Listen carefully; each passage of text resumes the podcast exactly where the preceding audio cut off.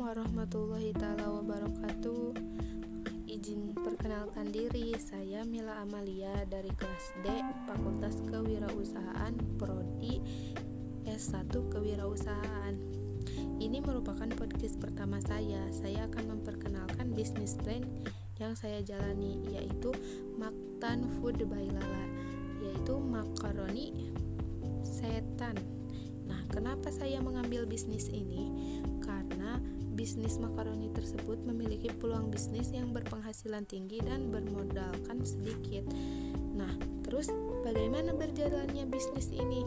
Bisnis ini berjalan di bidang kuliner dan cemilan-cemilan kering yang berbahan dasar makaroni dan memiliki cita rasa yang pedas.